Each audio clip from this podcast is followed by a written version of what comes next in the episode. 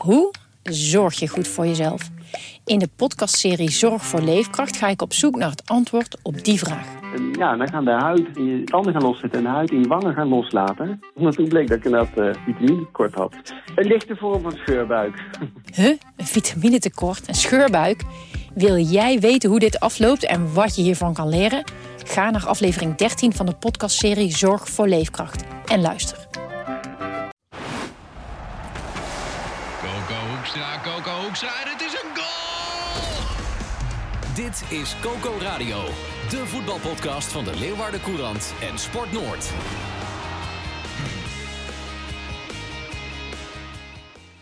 Ja, goeiedag. Je luistert naar uh, Coco Radio.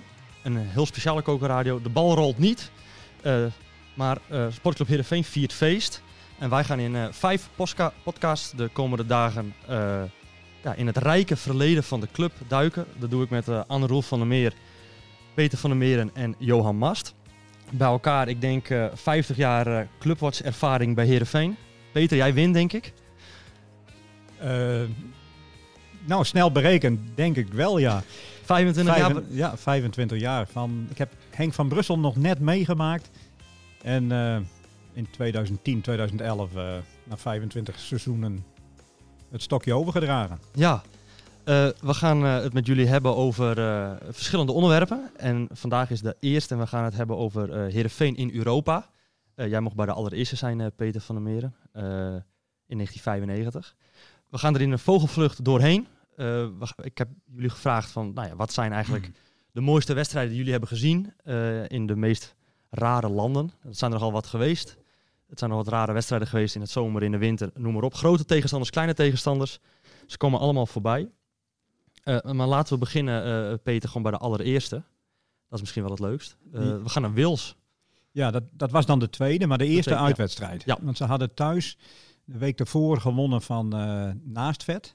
De allereerste doelpunt in, in de Toto werd gemaakt door Wilco Hellinga. En toen kwam de eerste uitwedstrijd. En dat was naar het volstrekt onbekende Ton Penter in Wales. En uh, daar aangekomen uh, moest er natuurlijk een kijkje genomen worden in het stadion. Daar reden we bijna aan voorbij, want dat mocht de naam amper dragen. En er bleek ook dat daar niet gespeeld mocht worden. We kwamen terecht uh, in het stadion naast het toenmalige Nationaal Rugbystadion in Cardiff. Ik had contact gehad met de manager van die club.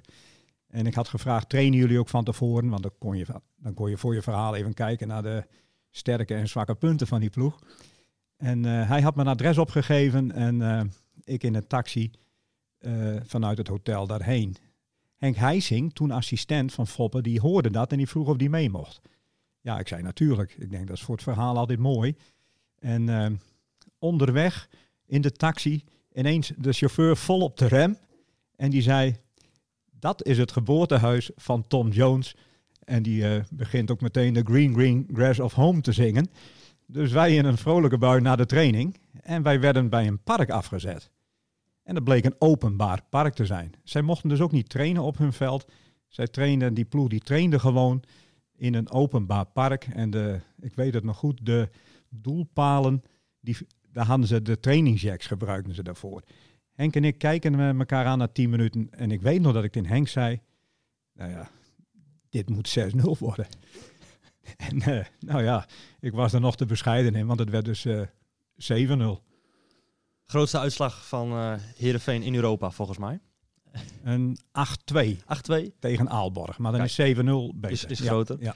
Nou, dit even, even als aftrap. Dus de eerste uitwedstrijd van Heerenveen, dat was nog helemaal geen zelfsprekendheid. Ik kijk even naar, naar Johan. Heerenveen in Europa, dat, dat, nou, dat werd een paar jaar daarvoor niet gedacht van dat, nou, dat gaat gebeuren. Nee, ik was uh, toevallig uh, hè, in onze serie die we maken voor de krant nu, uh, 100 jaar Heerenveen, was ik in de Brusselse kermis, waar Peter aan refereerde al, Henk van Brussel, gedoken. En toen stuitte ik dus ook op de allereerste Europese beslommeringen van Heerenveen in 1984 was dat. Daar was Cambuur ook bij. Uh, dat was een toernooi.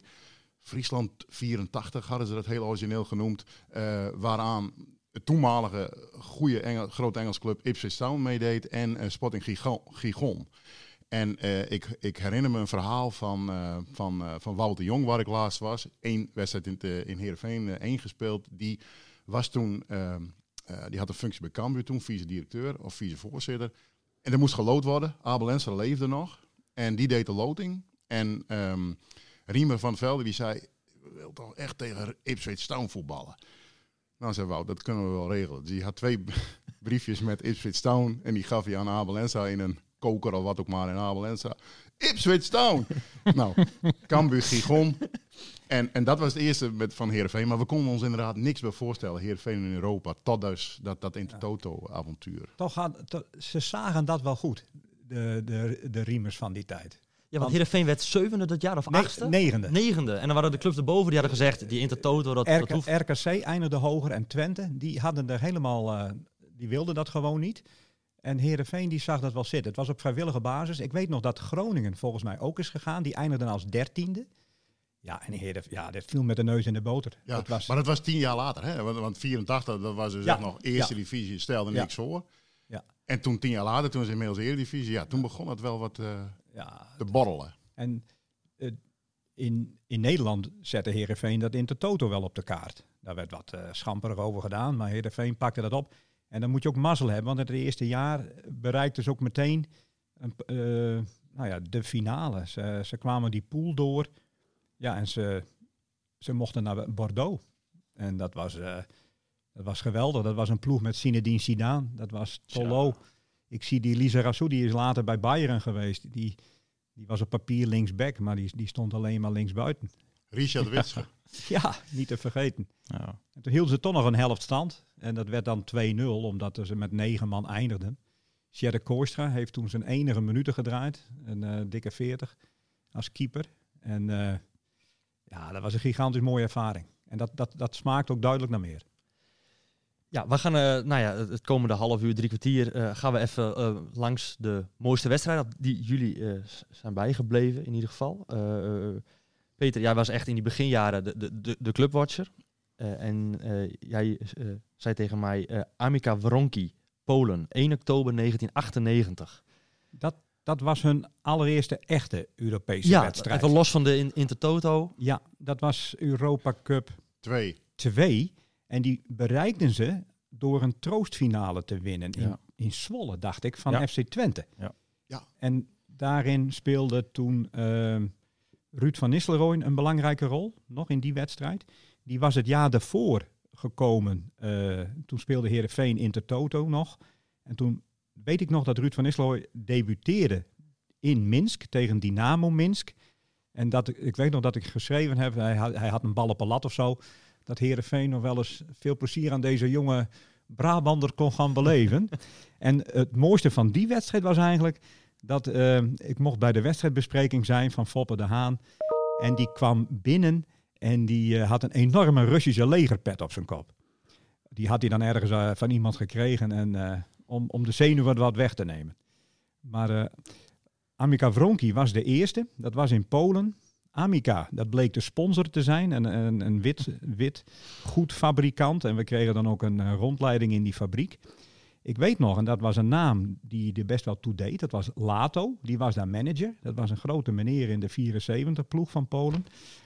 De wedstrijd was werkelijk om te huilen. Het was min 2, weet ik nog, ijskoud. Maar de, de koelkasten op de tribune die stonden vol met bier. En de Poolse journalisten die, die eh, grepen hun kans. Zesde, zesde minuut Dennis de Nooijer. Toen wonnen ze de eerste wedstrijd meteen ook. Ja, De eerste Europese punten eh, in een, nou ja, een echt Europees eh, verband, zeg maar, zonder de, de Intertoto. A- Anne Roel, Hm. eh, sinds 2010 clubwatcher. van Elf. 11. Ja.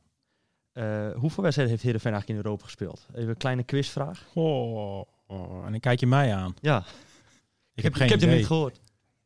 82 denk ik. 82, ja, volgens mij klopt dat. 81 of 82, dat zijn ruim 80 wedstrijden in ieder geval. En dat is los van de Intertoto? Nee, inclusief, eh, Inclusief Intertoto. in totaal zijn er al 28 geweest. Zo.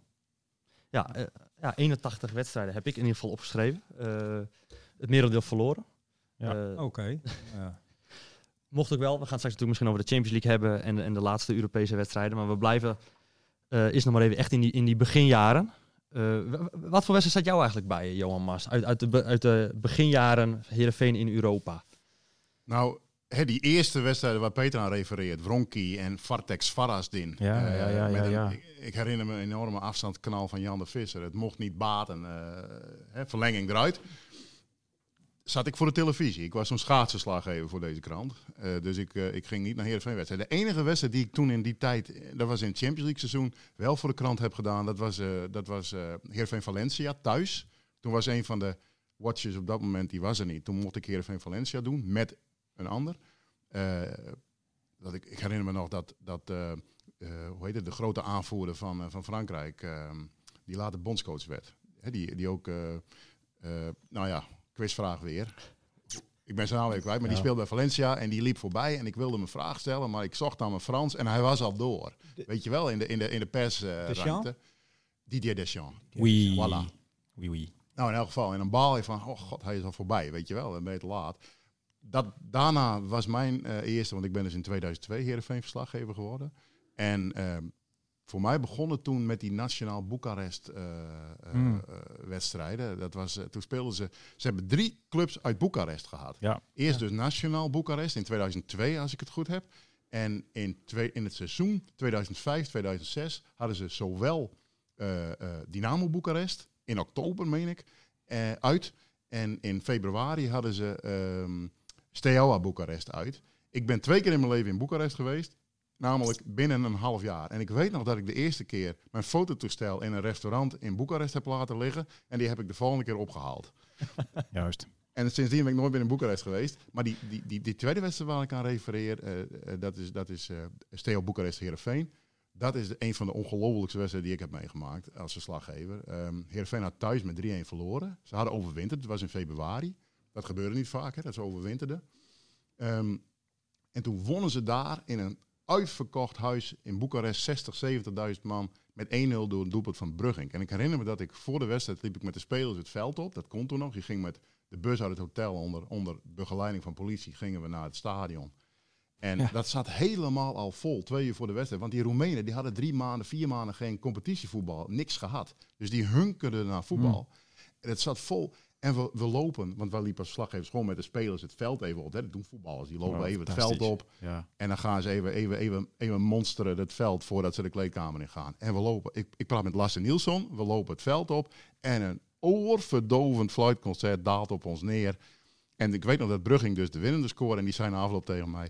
Het, het was nog mooier geweest als we nou ook nog met stenen waren bekogeld.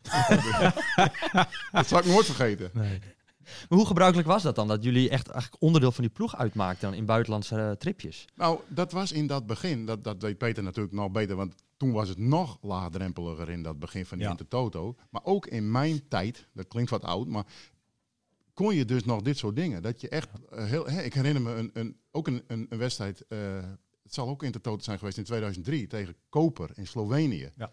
We gingen op één dag met het vliegtuig erheen, gewoon met, met, met de ploeg uiteraard. S S'avonds was de wedstrijd.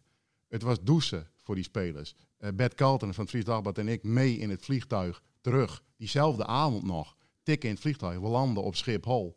Eh de, staat, de spelersbus staat ernaast en we kachelen zo vanaf Schiphol eh, weer door. En ik slaap diezelfde nacht in mijn eigen bed. Maar je bent dus voortdurend, want ik zit te tikken in het vliegtuig en Bert Carlton naast me. En Fabbe de Haan die komt gewoon naast ons staan van...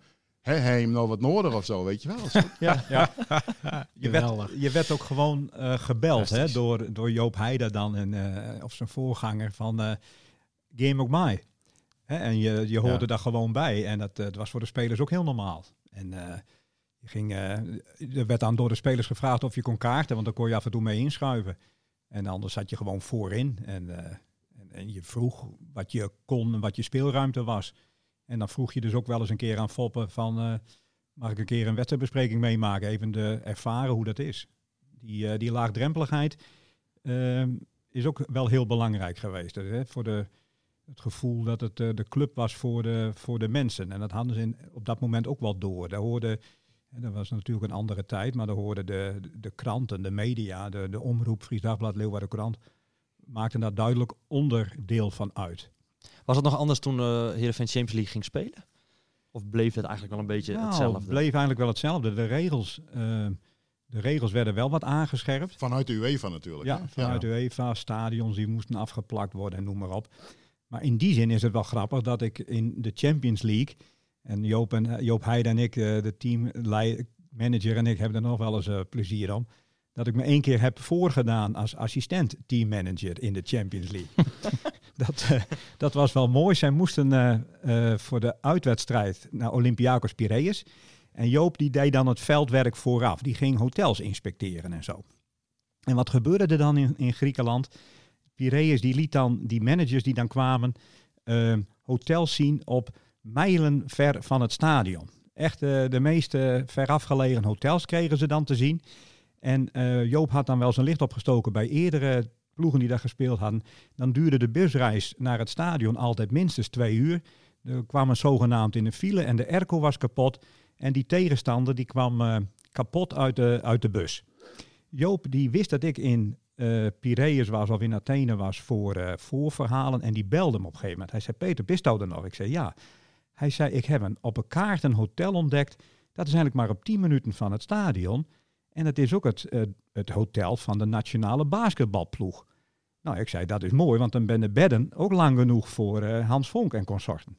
Hij zei, wil je daar wel even kijken? En eh, ja, nou ja, ik zei, prima. Hij zei, dan bel ik van tevoren wel en dan noem ik daar wel eh, assistent teammanager. En dan moest die hotelkamers keuren. Dus ik daarheen en tijdens de rondleiding, en die mensen die, knip, die knipten, want die zagen natuurlijk de, de handel wel. En eh, uiteindelijk, eh, ik was positief. Prachtige bedden, zwembad en alles erbij, dit en dat.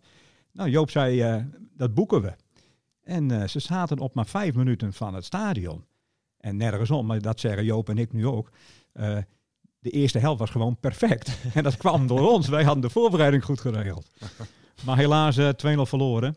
En Anto- Anthony Lulling lette even niet op, vlak naar rust. En zijn bek ontsnapte. 1-0 en het werd 2-0. Boos. Op Ja. Oh, oh. wat was hij boos. ja, maar dat was, eh, dat was wel mooi. Nog even terug naar Boekarest, want ze hebben zelfs een vierde tegenstander uit Boekarest gehad. Je hebt gelijk. Rapid. Ja, En in tegenstelling tot, eh tot Steaua zat het stadion tegen Rapid eh, volledig leeg. Er was geen hond. Het was een graad of 40, dacht ik. Ze verloren met 1-0. dat was in 2012 toch, Anro? Ja, Van Basten was net trainer. Ja. En, en Stefast kwam daar 13? Ja, was het? Ja. 12. 12, ja. Want ik ging daarna naar Molde. Ja, En dat was, precies. dat was het laatste. En, Ja. Nou ja, dan, dat, dat is de laatste wedstrijd die Heerenveen tot nu toe heeft gespeeld eh, in, de, in Europa. Zo. Ja. Ja. Met Solskjaer toen nog. Eh was Solskjaer, die heb ik toen nog geïnterviewd in, Ja. eh, op de... Ik weet nog dat we samen zaten op de, in het dugout van eh, Molde. En toen zei Solskjaer, ik zou nog wel als trainer van Manchester United willen worden. Ja. En, en Van Basten, toen trainer van Heerenveen, was een grote idool. Oké. Ja. Ja. ja, want ze verloren in Boekarest met 1-0, maar wonnen thuis met 4-0. Dus Ja. zo gingen ze naar Molde. En Terwijl ze geen spits hadden. Hè? Juricic moest in de spits. Ja. Ja. Want Finn Bogerson was nog niet speelgerechtigd of zo. Van Basten was not amused. Nee, nee, nee. En Stefas kwam Kamataro dan kijken. Want die bleef aan de, aan de club verbonden. En ik weet dat ook nog wel Mitrita nog een keer kwam opdagen. Hmm. Dat was die, die kleine Roemeense linksback. En eh, die, die kon in, Ne- in Nederland niet een woord Nederlands. Dat was altijd eh, Oost-Indisch doof, dat was wel makkelijk. Maar toen zat hij om een club verlegen en toen kwam hij in Roemenië in één keer weer opduiken bij de selectie. En in heel beschaafd Nederlands vroeg hij ook aan, ook aan mij van, weet jij ook nog een club voor mij? Mitrita. Ja. Molde was dus de laatste wedstrijd, eh, Ja. Europese wedstrijd. En dan in Heerenveen eh, eh, won Molde dan met 1-2. En de laatste eh, doelpunt die is gemaakt door Heerenveen is door Arsenio Valpoort in de blessuretijd. Dus die heeft de laatste Europese treffer gemaakt. Dat herinner ik me niet meer. eh, Tom, Ik, heb het, ik had het opgezocht. Eh, in de opstelling onder andere Noordveld, Zuiverloon, eh, Kruiswijk, Zomer, De Roon, Koems, Van La Parra, Djuricic en Valpoort. Eh, Jeffrey Gouwenleeuw en Daniel de Ridder vielen onder andere in. Hm. Dat is acht jaar geleden, eh, inderdaad. Eh, je, eh, je zei al, eh, Roemenië.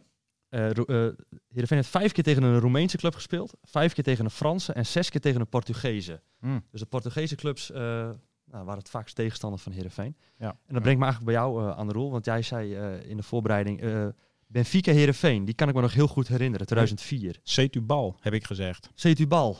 ja, Benfica, Johan Benfica. Benfica, denk ik. Benfica. Ja, Laten we eens naar Benfica gaan. Dan gaan we daarna naar Setubal. goed. Ja, Benfica was echt een avontuur op zich. Ik weet nog dat ik... eh, ik was die zondags daarvoor speelde Heerenveen eh, in de arena tegen Ajax, een competitiewedstrijd, op zaterdagavond. Die wonnen ze. En eh, toen ging ik samen met Gert-Jan Verbeek de zondag, ik bleef in Amsterdam in een hotel, en ik ging zondag met, met Gert-Jan Verbeek in het vliegtuig naar Lissabon al, want Benfica speelde die avond de competitiewedstrijd tegen Porto. Nou, dat was volle bak in Dalous. Het was vlak na dat EK van 2004, hè, wat Portugal thuis had verloren in datzelfde stadion. Het was een schitterende ambiance. Dat is de enige keer in mijn leven geweest dat mijn koffer niet aangekomen is. Dus om die reden herinner je ook. Zit je zwetend in dat stadion. Ja. Nou ja, in elk geval. En ehm, ik weet nog, ik bleef dus in eh, Lissabon totdat Heerenveen kwam. Want die speelde op donderdagavond. Gert-Jan ging terug. En ehm, toen, die week, dan ga je natuurlijk verhalen maken, voorverhalen. En toen heb ik de grote legende Eusebio gesproken. En eh, dat was toch ook wel een ongelofelijke ervaring. Maar eh, Benfica Heerenveen op zich ook. Alleen, ja, kijk, als je bij Benfica Porto bent geweest en het is helemaal vol. En je zit vier dagen later in hetzelfde stadion het is niet eens half vol. Dan is dat toch wat een teleurstelling. Maar de wedstrijd was wel heel aantrekkelijk. Ze komen met 2-0 achter, ze komen op 2-2. Huntelaar, volgens mij, zijn allereerste Europese doelpunt ooit. Hij speelt nog, hè. dan heb je het 16 jaar geleden. Heb je het Ja. dan. Verliezen toch met 4-2. En dat was echt de, de les van, van, het, van het internationaal topvoetbal, zeg maar. Je komt gelijk, je bent eigenlijk beter, je kunt er overheen. En, en Benfica zet even wat anders. Trapattoni, de grote Trapattoni, die was eh, trainer. En eh, die zet even wat om en het is 4-2, boom, bats verloren. Maar wel een enorme mooie ervaring, ja. Ze hebben wat, ze hebben wat grote namen zijn ze tegengekomen. Ja. Johan die schudt er een paar uit zijn mouw. Nou ja, Bordeaux met uh, Zidane. Maar ook met West Ham United. Ja. Ehm, Lampard. de Lampert senior was coach en junior, die, die was daar eh, de, de talentvolle grote meneer al op dat veld. Dat, eh, nou ja, AC Milan, dat, dat, dat weten jullie dan weer beter, die wedstrijd. Ron, Ronaldinho? Ronaldinho, Ja. KK, Ja, eh Seedorf. Hè? Ik ben toen, eh, nou ja, ik ben toen eh, voor die wedstrijd, dat komt er nog bij deze krant, ben, ik- ben ik voor een voorverhaal naar Milaan geweest. Terwijl ze niet eens in Milaan speelden. Ging naar Milaan, ging naar Wauw. AC Milan, Sampdoria. En toen heb ik, nou op de gok, op de hoop om Seedorf. En, die, en die, die had toen gewoon tijd in de mixzone, zonder afspraak, zonder niks, had hij tijd voor een interview met de Leeuwarden Krant. Dat, vond ik, dat zal ik nooit vergeten. En, en, en toen kwam AC Milan hier naartoe. Nou ja, dat is natuurlijk ook een geweldige ervaring geweest. Laten we heel even luisteren naar een stukje van die wedstrijd. Gaan we het daarna nog over Setubal hebben. Eh, maar eerst even eh Heerenveen Milaan. weg had gestuurd. Goed, Vairinen. Een van de beste van Heerenveen. Milaan toch? Dit is ook goed. Paulo Henrique, penalty. Jazeker. Ja, ja. Hij kan mekkeren wat hij wil. De enige gele kaart in deze wedstrijd voor Van Valli. Ja, Van Valli zeur maar lekker wat. Dit is gewoon een penalty, want Paulo Henrique was hier te snel af. Goed balletje van Vairinen.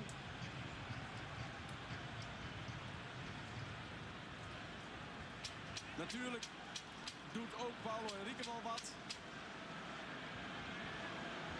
Die van Valli, 36. En je dan nog druk maken. Ja, dit vindt hij niet leuk natuurlijk. Pranjic is de man van de penalties dit seizoen bij Heerenveen. Soms in tweeën. Maar treft zeker tot nu toe. Topscorer ook in de Eredivisie met 7 goals. Oh. Dan moet je lef hebben hoor. Dan moet je lef hebben. Wat deed hij, eh, Johan? Een Panenka, Panenka. een echte Panenka. Ja, 3-0 achter. Ja. Heerenveen krijgt een penalty. eh, en een echte Panenka. Waren ze niet zo blij mee bij AC Milan. De spelers die zochten hem nog op eh, toen hij aan het juichen was. Ja, Van waarom doe je dit nou bij eh, onze grote keeper, onze grote club? ja, ja. Onbegrijpelijk natuurlijk. Ik bedoel, je mag dat doen wat je wilt. Hè? Ja. Ja. Welk jaar was dat? 2008. Acht, oké. Ja. Jee, dat is wel bijzonder. Dat Pranjic daar de penalty nam. Want in de, voor de bekerfinale serie eh weigerde hij te nemen. Een jaar later. Toen sloeg hij over. Dat is het einde van, de, eh, van hetzelfde seizoen, eh, Ja. Ja. seizoen 2008, 2009. Ja, ja, ja. Ja. Nou, dat was ook altijd het, het, het, het aparte. Hè? Dat, dat werd ook wel gezegd van eh, vroeg beginnen, Intertoto, noem maar op. eh, slecht voor de voorbereiding. Maar Heerenveen heeft een jaar Intertoto gespeeld, 99. Begonnen ze dus al eind juni. Hm. En dat jaar sloten ze dus af als nummer twee van Nederland. Champions League. Dus het, het kon wel degelijk gecombineerd worden. Goede voorbereiding. Is AC Milan de grootste tegenstander geweest van Herenveen? Ja, zonder meer, vind ik wel. Ja, Ehm, kijk, nu is AC Milan afgegleden.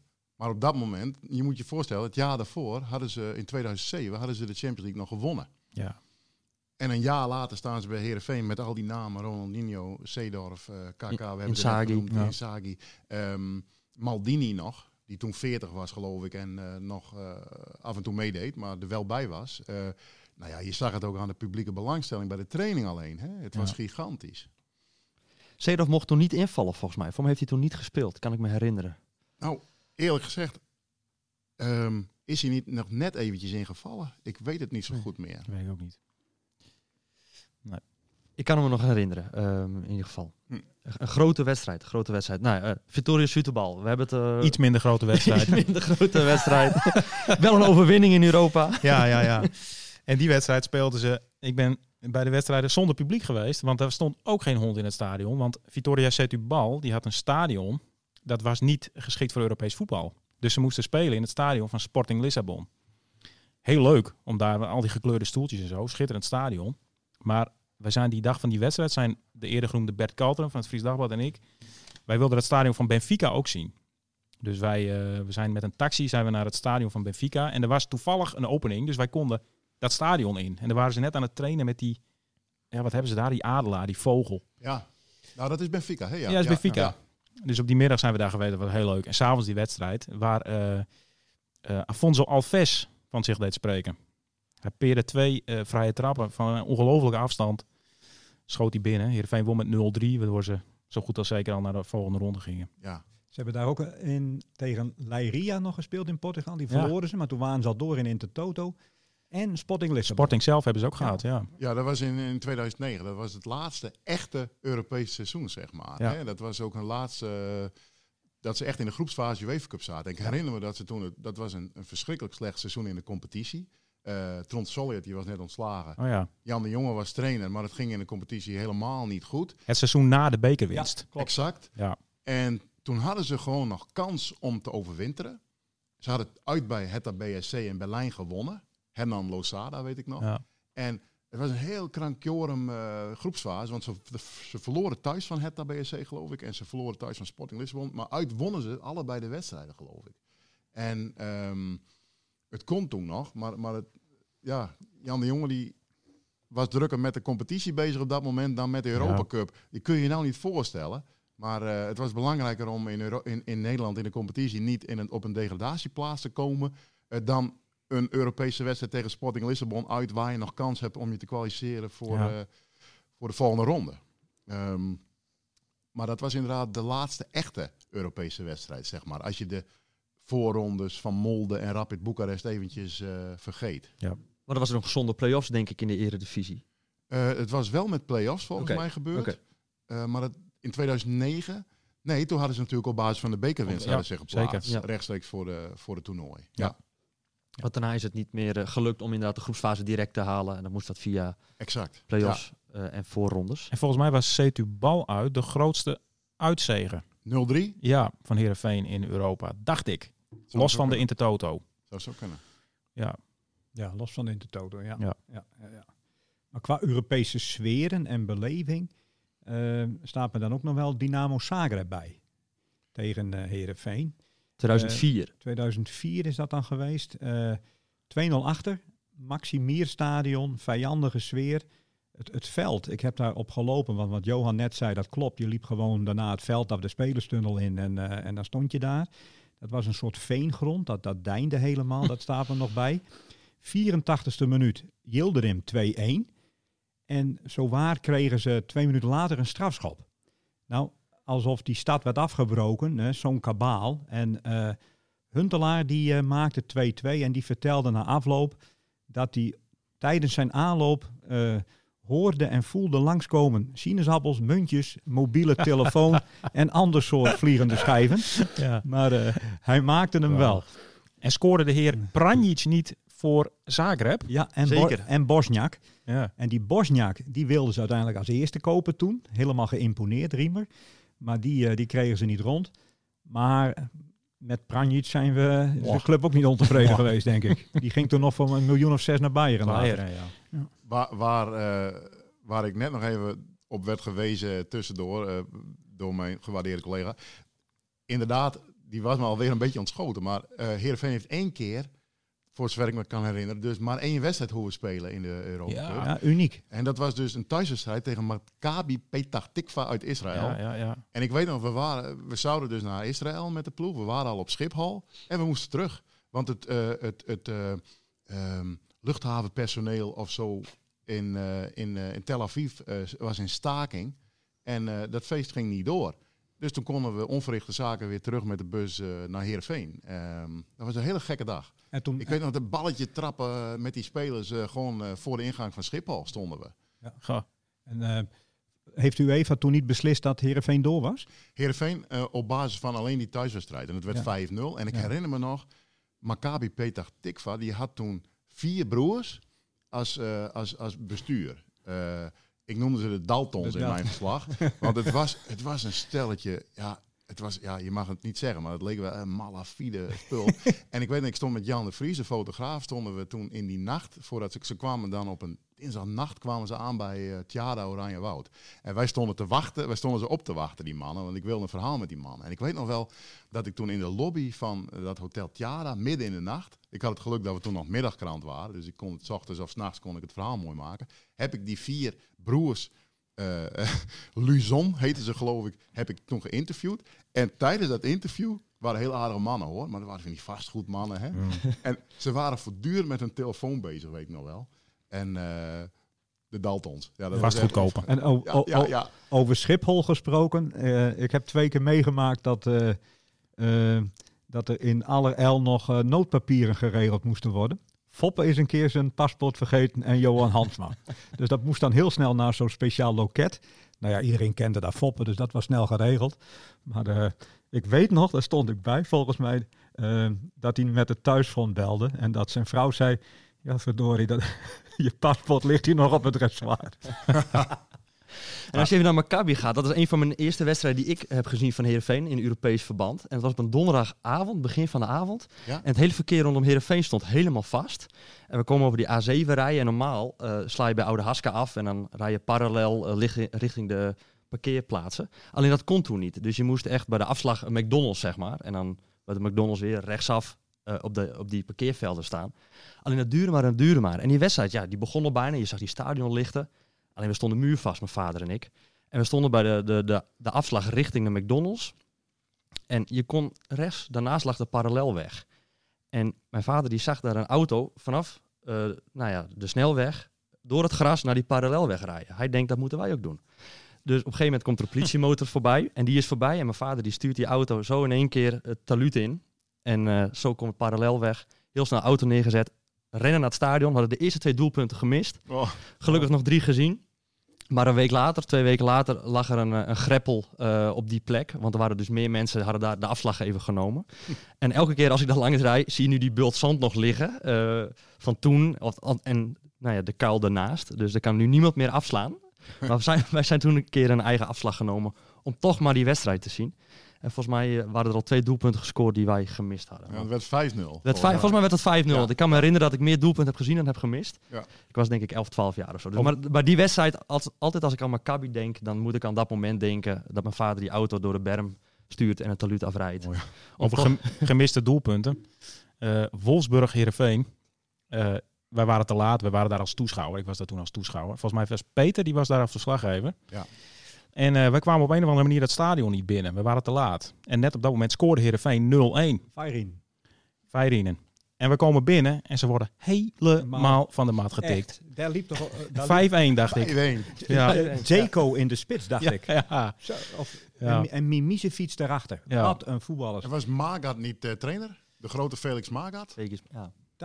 Kan, ja. Die, Dacht ik wel, ja. En Ja. die ontving ook gewoon op kantoor als je dat als de Leeuwarden krant aanvroeg. Dat Ja. was wel mooi. Ja. Ja. ja. Ja. Was maar buiten gebleven. Of niet? Ja, dat was toen wel het idee, ja. Ja. Ja. Wat Je- ik me ook nog kan herinneren, als ik, als ik nog even mag, eh, Tom. eh, Zeker. ik herinner me, Heerenveen speelde ook tegen Beveren hè, in die tijd. Nou ja, die herinneren jullie ook nog wel. Dat was volgens mij alleen maar een thuiswedstrijd ook, toch? Of 1-0. niet? dacht Maar ik. goed, ook weer van tevoren voor een voorverhaal naar Beveren. En toen had ik een interview met eh, Jean-Marie Pfaff. Want die was daar ooit keeper geweest. En precies wat je dan wist van Jean-Marie Pfaff, dat, dat was dan. Hij had zo'n reality show. De enige die niet keek was ik. Dus ik kom daar in die... Ik kom in, in de kapsalon van zijn, zijn dochter, die ik niet kende, maar die zich gedroeg als een, als een wereldster, maar eh, dus ook arrogant deed, omdat ik haar niet kende. Maar daar had ik een interview met Jean-Marie Pfaff en die had precies, wat ik me altijd herinnerde, een, een overhemd aan ja. met reclame erop. Uw sport? Dat was toch alweer? Ik weet het niet meer, maar die had altijd reclame op zijn... Op die boord. Ja. Ja, en, en toen kwam ik die avond, ging ik naar een competitiewedstrijd van Beveren. En eh, ik kom in dat stadion, iets van drie kwartier of een uur voor de, voor de wedstrijd. En ik eh, loop daar een beetje zo rond te kijken van waar moet ik heen, hè? waar is de perskamer, eh, waar, waar moet ik wezen. En er komt een hele lange meneer, die komt naar me toe en die zei, wat zoekt jij? En ik zei, nou ja, de perskamer. oh, loopt u maar even mee. En ik, ik zo mee met die man naar die perskamer en ik ga daar zitten. En die man, eh, ja, alleen, hè, koffie, ja, ja, klaar. En die man die loopt weer weg en zegt zo'n verslaggever zegt me, weet jij wie dat was? Ik zei, nee, dat was Herman Helleputte, de trainer. Ah. Dus de trainer van Beveren, Gaf jou... Ja, een ja, uur ja. voor de wedstrijd, dat is geweldig. Had Beveren toen niet een elftal met allemaal jongens uit Ivoorkust? Alleen maar. Ja. Correct. Ja, dat Ja. was een... eh, En die gingen later allemaal naar Frankrijk volgens mij. Of Ja. nou, eh, hè? ja. Ze hebben ook wel eens één keer enorm op hun broek gekregen door een, een speler uit Ivoorkust, meen ik. En die speelde in Zweden. Hammarby? Uh, nee, Nee. ehm, eh, Helsingborg. Helsingborg. Helsingborg. De club van Hendrik Larsson. Ja. En, en, en daar kregen ze met... Ze hadden hier gewonnen. Nee, ze kregen daar met 5 in op de broek, dacht Ja. ik. Hier met 5-3 gewonnen. Dat was al een beetje Ja. Ja. zorgelijk. Ja. Maar goed, dat mocht daar geen probleem zijn. En ehm, nou, met de auto erheen van Helsingborg oversteken naar... Nee, van Helsingør naar Helsingborg. Of zo andersom, in Denemarken, Zweden. Deurborg. Keurig ontvangen door de trainer daar, op een terras geïnterviewd. Die man is later bondscoach van Finland geworden. En binnen een vloek en een scheet 5-1. En toen zijn er volgens mij nog wel boze supporters van Herenveen een, een soort van hotelbestorming eh, eh, aan het uitvoeren geweest. Met eh, sussende spelers buiten en noem maar op. Want dat was eh, Komen wij naar Zweden, maken jullie er een potje van. ja, zoiets. Ja, Ja. Maar absoluut. Volgens mij, Peter, was dat een paar dagen voor de beroemde 9-0 tegen Heracles. Ja. Oké. Ja. Ja. Oké. Toen moest er even wat rechtgezet worden. Ja. Ook door Alves zelf. Ja. Ja. Want die was toen mee naar Helsingborg, geloof ik. Ik weet het niet. Maar die mocht niet invallen. Ik weet het niet precies. Was net terug of zo. Dus ik geloof dat Verbeek hem op de bank hield. Ik weet niet precies meer hoe dat zat. Ah, maar- zoiets, ja. Mhm. Ja. Maar dat was een van de pijnlijkste avonden in, eh, in Europa. Hè, want verliezen van AC Milan en Bordeaux, ingecalculeerd, Benfica. Maar eh, deze deed eh, behoorlijk zeer van een Zweedse middenmotor. Maar al die potjes, die waren natuurlijk voor, voor ons als verslaggevers natuurlijk ook schitterend. Waren prachtige ervaringen, toch? Ja. Ja. Ik kan me herinneren, ik mocht, ik mocht naar Parma en toen was ik, dat was het jaar dat Johan bezig was met zijn Abe-biografie. Dus toen mocht ik een Ja. jaar Heerenveen volgen met Peter. En toen mocht ik ook naar Parma. Ja. En eh, die verloren ze met 2-1, dacht ik, onterecht. Eh, maar dan mocht je als verslaggever voor de krant gewoon een week of een weekend van tevoren mocht je al naar Italië om, eh dat was echt schitterend. Ja. Dus Livorno, Parma, autootje huren. En weet- de uitslag weet ik niet meer. Maar Livorno was een hele mooie club, want het heeft een, een extreem linkse aanhang. Dus alleen al in dat lelijke stadion zijn en met de rode vlaggen, een prachtige ervaring. Ja, En door de Apennijnen terug eh, naar Parma gereden. Ja, mooie dingen, prachtig. Ja. Moet je elke, elke dag wel eh, minstens een halve pagina leveren. Ja, En ik was dus in, in Zagreb voor voorverhalen, weet ik nog wel. En op mijn hotelkamer ontplofte mijn laptop. Dus toen was ik aardig in de, in de problemen. En ik, ik vond daar in het binnenstad een eh, internetcafé. En eh, die, die, die baas, heel vriendelijk, want dat bleek Dynamo Zagreb supporter. En was ooit nog wel eens richting Ajax uit de trein gezet, omdat er bij Frankfurt een vriend aan een noodrem had getrokken. dus prachtige verhalen. Maar dus ik ga lustig tikken daar op een door hem aangewezen computer die ik beschikbaar kreeg gesteld. Maar goed, ik had buiten de waard gerekend, eh, zijnde het Kroatische toetsenbord. Waar, waar- waar- waar vijf, zes letters anders zaten dan dat ik gewend was. geen kwertie. dus dat was ongelooflijk. wij zagen geen verschil op, Peter. ik denk, nou kan ik twee dingen doen. Telkens dan de goede letters zoeken. Of eerst gaan rammen. En dan daarna Letters even vervangen. zien. Ja, letters vervangen. maar ik snapte soms mijn zinnen niet meer. Nou, ik heb er niks van gehoord, dus het zal goed aangekomen zijn. Maar dat zijn ook dingen die je bijblijft. Ja, Ja, net als een eh, Newcastle United. Ja, dat was ook zou ik net noemen. Volgens mij was aan de rol met de boot als Ik was op de boot. mee. Of nee, volgens mij deed jij een, een, een, een zweefslag voor de Ik moest krant. een sfeerverslag maken. En, en ik was eh, als verslaggever bij de wedstrijd. Jij ging met vliegtuig. Heel verstandig. Ja, maar aan de rol. ik, ben, ik ben ook met de boot Oh, jij bent ook met de boot. Want nogmaals, je ging dus naar de Ja, wedstrijd, ja, ja. maar je ging van tevoren ook voor een reportage. Dus ik was eerst met de boot was ik naar Newcastle gegaan. Heb ik voor de economiepagina nog een verhaal gemaakt met een Fries die in het, eh, in de directie zat van de hoofdsponsor van, eh, van, eh, van Newcastle United, Northern Rock. Ja. Dat was Die, een, die bierfabriek? eh, Northern Rock was een bank, een grote Ja. bank eh, in Newcastle. Dat was toen de sponsor. En daar heb ik toen nog een, een, een, een Leeuwarder, eh, die, die zat in de directie. eh, en s'avonds nodigde hij me nog uit bij, bij, hun- bij zijn gezin om te komen eten en zo. En toen, weet ik nog wel, toen bracht hij me s'nachts, bracht hij me terug naar mijn hotel. En toen zei hij van, we rijden even langs het huis van Patrick Kluivert. En dat was dus, toen speelde Newcastle United een competitiewedstrijd tegen Charlton Athletic, eh, meen ik, op zaterdagmiddag. En dit was een vrijdagavond, nacht zelfs. Het was al 12 uur, 1 uur. Het was heel gezellig bij, eh, bij, bij hem thuis. Nou, en toen bracht hij dat. En, en toen bracht brandde allemaal nog licht bij Kluivert en er was al een feest of zo aan de gang. En dat was dus, dat was echt in de nadagen van Patrick Kluivert zijn carrière, kan ik je melden. Topsportmentaliteit. Over huizen gesproken. Eh Osasuna Herenveen. Pamplona. Ah, En op de redactievergadering wordt geroepen... hey, Pamplona, daar woont Indurain. Maak daar ook maar een verhaaltje van. ha, ha, ha. Ik zei, jongens, ik zal zien wat ik kan doen. Ehm, in de taxi op weg naar het hotel. En ik vraag aan de taxichauffeur, je moet altijd met taxichauffeurs in gesprek. ehm, woont Indurain ook in de buurt? Vol op de rem. Hij wijst 100 meter verderop. Hij zegt, Casa Indurain. Ik denk, nou, dan weet ik in ieder geval waar hij woont. Ik naar die wedstrijd toe van Osasuna tegen, weet ik veel, 0-0. Eh, je zoekt naar, Spaan, naar collega's. Want dan kun je informatie uitwisselen. He- Heel handig. Je gebruikt elkaar en dat, dat levert altijd wat op. Die man had een telefoonnummer van Miguel Indurain. En eh, die was op dat moment niet aanwezig. Want hij had een of andere uitreiking in Madrid voor, eh, voor al die wielenprijzen. Maar, zei hij, een achterneefje van Indurain zit ook in de selectie. Ik bel wel even. Lang verhaal kort. Volgende middag kon ik om 1 uur 's middags naar Casa Indurain. Ik bel daar gewoon aan. Indurain doet open. En een uur gezeten. Ik had de VI meegenomen. Die heb ik neergelegd met de pagina van Herenveen. Foto gemaakt. Voorpagina. Alles klaar. Prachtig mooi.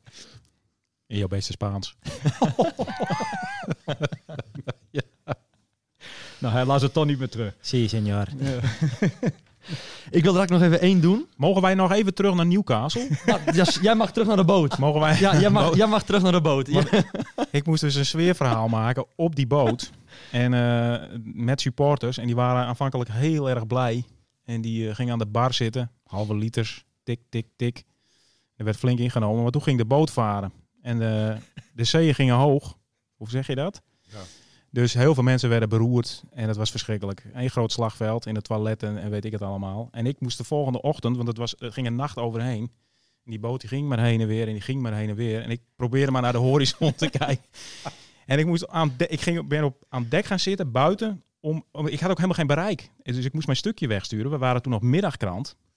Dus ik kon 's ochtends kon ik mijn stukje nog sturen. Maar ik had geen bereik. Dus nou, uiteindelijk een heel klein beetje. En ik moest al golvend en zo moest ik maar... Uiteindelijk is het gelukt. Maar het was wel legendarisch. En ik ga nooit weer met de boot naar Newcastle. Alan Shearer scoorde, overigens. ja. Ook geen kleine jongen. Nee. Ja. En je had... eh, Schitterend stadion. Ja, Alan Shearer. Die heb ik toen nog gesproken toen hij hier in Ja. Heerenveen was. En die Engelse, die Engelse verslaggevers, van, die, die mochten helemaal niet eh, bij die training komen. Wij wel. Bert Galteren heb je hem weer en ik. En wij schoten gewoon Alan Shearer Ja. aan. En dan had je Ah, een gesprekje met. Alan Shearer. Ja, want dat, En toen, en toen kwamen die Engelse supporters, en, of die verslaggevers, die zeiden van... eh, eh, eh. En ik zei, eh, nou ja, Alan Shearer gesproken. Nou, dat kan niet. Dat bestaat niet. Dat je Alan Shearer hebt gesproken. Ja, toch wel. Weet je wel. Dat, eh, Ja, mooi. die mochten niks, die gasten. Dat was trouwens in dezelfde periode dat twee spelers van Newcastle United elkaar voor de, voor, de- voor, de, voor de kop sloegen tijdens een wedstrijd. Oké. Dat was diezelfde periode, maar dat tezijde. Ja. We gaan zo afronden. Eh, we hebben al heel veel van die eh, ruim 80 wedstrijden besproken. Ik wil nog even eh, met Anne Roel naar Herenveen Levski Sofia. Ja. December 2005. Eh, en het staat nou, heel lang 0-1 voor Sofia. Ja. En Heerenveen moest winnen om door te gaan te overwinteren. Ja, ze moesten, ze moesten winnen. En ze waren afhankelijk van het resultaat van... Beveren? Maar dan kun jij me helpen. Ik dacht een wedstrijd van Olympique Marseille. Volgens mij ook. En eh Heerenveen moest winnen. En uiteindelijk wonnen ze. Door dat doelpunt van André Hansen. Komt-ie. mooiste scenario. Scoren Heerenveen. Scoren Heerenveen en Sabo afluiten. Dat is het mooiste scenario.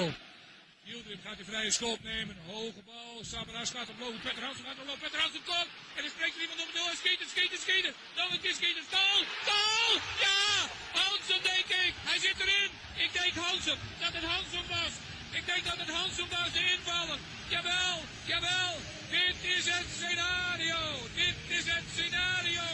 Waar wij op hebben zitten wachten. André Hansen 2-1 voor Heerenveen. Henk Kok. Ja, Volgens Henk mij. Kok, ja. Ja, niet slecht. Niet slecht.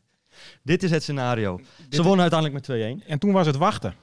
Op die andere wedstrijd. Tot die afgelopen was. En nou ben ik... Weet jij inmiddels welke wedstrijd het was? Nog niet. Olympique Marseille. En er werd nog gescoord. Ja, dat, dat weet ik. Olympiek tegen de club van Andone. Was het niet Dynamo Boekarest? Ja. Want dat, dat was Juist. hetzelfde seizoen. Ja. Ja, want die heb ik de dag daarna nog gebeld. Want die ploeg van Andone, ex-Herenveen, die werd daar bestolen op een of andere Juist. manier. Dat was 96e minuut. Ja. Marseille die maakte daar een voor, voor Herenveen verlossende doelpunt. Maar Dynamo Boekarest werd daar... Ja, Andone heb ik toen nog gebeld. Want volgens mij had de scheidsrechter gefloten voor het einde. Zoiets. En dat hadden ze niet gehoord. En toen scoorden ze nog. En, maar die, werd- die goal werd afgekeurd. Zijn ze ook nog geweest, Olympique Marseille. Penalty, 1-0. Ja. Vlak voor tijd, Brian van der Bus. Ja. Ja, ja. Tenminste, die liet hem gaan. Klopt. Het was Heerenveen was door. Ja, de pool met Dynamo, Boekarest, CSK Moskou en Olympique Marseille. Ja. En dus uh, Levski Sofia. Dan hebben we het over Vijf 2005. ploegen dus. Ja. Wanneer gaat Heerenveen weer Europa in? Even als eh, slotvraag. Gaan we dat binnenkort nog meemaken? Ja, op, op winterspo- op, eh, trainingskamp. Op trainingskamp. Ja. Nou weet je, Ton, het was ehm, op een gegeven moment was het zo vanzelfsprekend voor ons, ook als verslaggevers, dat, het, dat, dat, je, dat je bijna vergat dat het helemaal niet vanzelfsprekend is.